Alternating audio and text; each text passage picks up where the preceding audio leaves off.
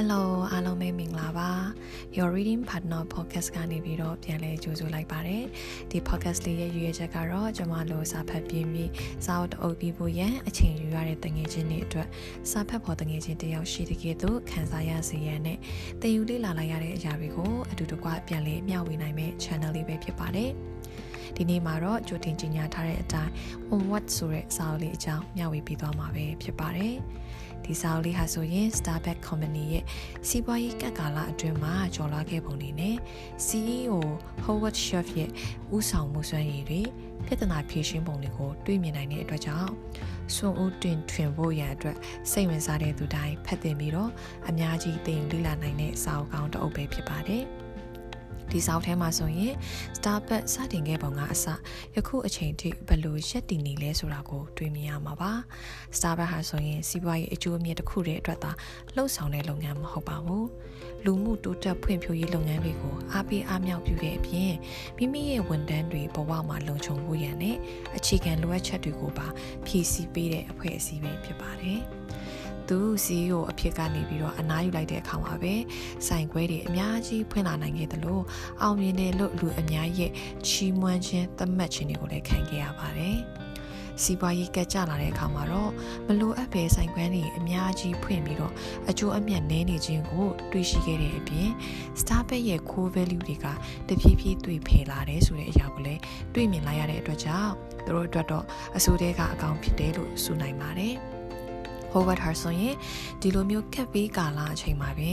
CEO အဖြစ်ပြန်လဲတာဝန်ယူပြီးတော့ဆိုင်ခွဲတွေအများကြီးထက်ဝန်ထမ်းတွေရဲ့ကြမ်းကြုံမှု coffee အရေးအသွေးကိုမြင့်တင်ပြီးတော့ Starbucks ရဲ့ core value ကိုကွယ်ပြောက်မိမိန်စေတဲ့အစားအသောက်နဲ့အခြားသောလူကြိုက်များတဲ့ရောင်းချမှုတွေကိုပါရပ်တန့်ခဲ့ပါတယ်။ ကော်ဖီရဲ့အရေးအသွေးကျဆင်းမှုကိုလုံးဝလက်မခံနိုင်တဲ့အတွက်ကြောင့်မလို့ဘလောက်ပဲရောင်းအားကောင်းမဲ့အချိန်နာရီဖြစ်ပါစေဆိုင်ကိုပိတ်ပြီးတော့ဝန်ထမ်းတွေရဲ့ကျွမ်းကျင်မှုကိုမြင့်တင်ခဲ့ပါတယ်ဟိုဘတ်ဟာဆိုရင်ဝေဖန်တိုက်ခိုက်မှုတွေကိုခံရမယ်ဆိုတာကိုသိတော်ညာလဲကြောက်ရွံ့နေခြင်းမရှိဘဲနဲ့အဖွဲ့အစည်းကောင်းဖို့ရန်အတွက်ပြက်ပြက်တသားရွေးချယ်ခဲ့တဲ့သူဆုံးဖြတ်နိုင်ခဲ့တဲ့သူလည်းဖြစ်ပါတယ်။ ဒါအပြင်ကြုံတွေ့နေရတဲ့အခက်အခဲပြဿနာတွေကအရင်ကဘယ်သူလှုပ်ဆောင်ခဲ့ပါတယ်ဆိုတာကိုထောက်ပြဝေဖန်နေခြင်းမျိုးမလုပ်ဘဲနဲ့အခက်အခဲပြဿနာတွေကနေဘယ်လိုမျိုးကျော်လွှားဖြေရှင်းရမလဲဆိုတာကိုပဲအာရုံစိုက်ခဲ့တဲ့သူဖြစ်ပါတယ်။ရေရှည်ကောင်းဖို့ရန်အတွက်ဖြစ်နိုင်တဲ့အရာအလုံးစုံကိုလည်းရေတူနာကျင်မှုတွေနဲ့လေးလေးရေးတဲ့သူဖြစ်ပါတယ်။သူကိုယ်တိုင်ကျင်းတဲ့ချက်ထဲရောက်သွားပါလိမ့်စေ။မိမိကိုယ်ကိုယုံကြည်မှုမပြောက်ခဲ့တယ်လို့ပဲသူနဲ့အတူတကွလက်တွဲလှုပ်ဆောင်သူတွေကိုပါယုံကြည်မှုရှိလာအောင်ဦးဆောင်နိုင်ခဲ့တဲ့ခေါင်းဆောင်မျိုးဖြစ်ပါတယ်။အထူးသဖြင့် Howard ရဲ့ leadership skill တွေကိုအများကြီးသင်ယူလေ့လာနိုင်တဲ့အပြင်သူ့ရဲ့အကောင်းမြင်တတ်မှုတွေနဲ့တကွ supply chain ကိုဘယ်လိုမျိုးသိချစစ်ဆေးကျွမ်းကျင်စွာလှုပ်ဆောင်ခဲ့လဲဆိုတာကိုတွေးမြင်ရမှာပါ။ဘလောက်ပဲယာတို့အကြီးကြီးကိုယူထားပါလေစေစိုင်တိုင်းလိုလိုကိုအသေးစိတ်ကြီးရွှေခဲ့သူလည်းဖြစ်ပါတယ်။ ခေတ်ရည်စီးချောင်းပြောင်းလဲလာတာနဲ့အမျှ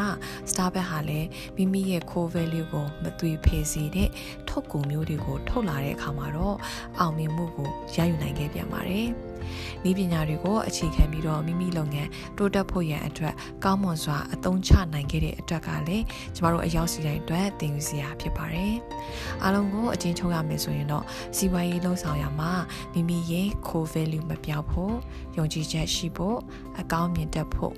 ဤပညာတွေကိုကောင်းကောင်းအသုံးချထပ်ဖို့ရန်နဲ့အပြောင်းလဲလုပ်ရမှာကိုမကြောက်မှုအတွက်များစွာသင်ယူရပါတယ်။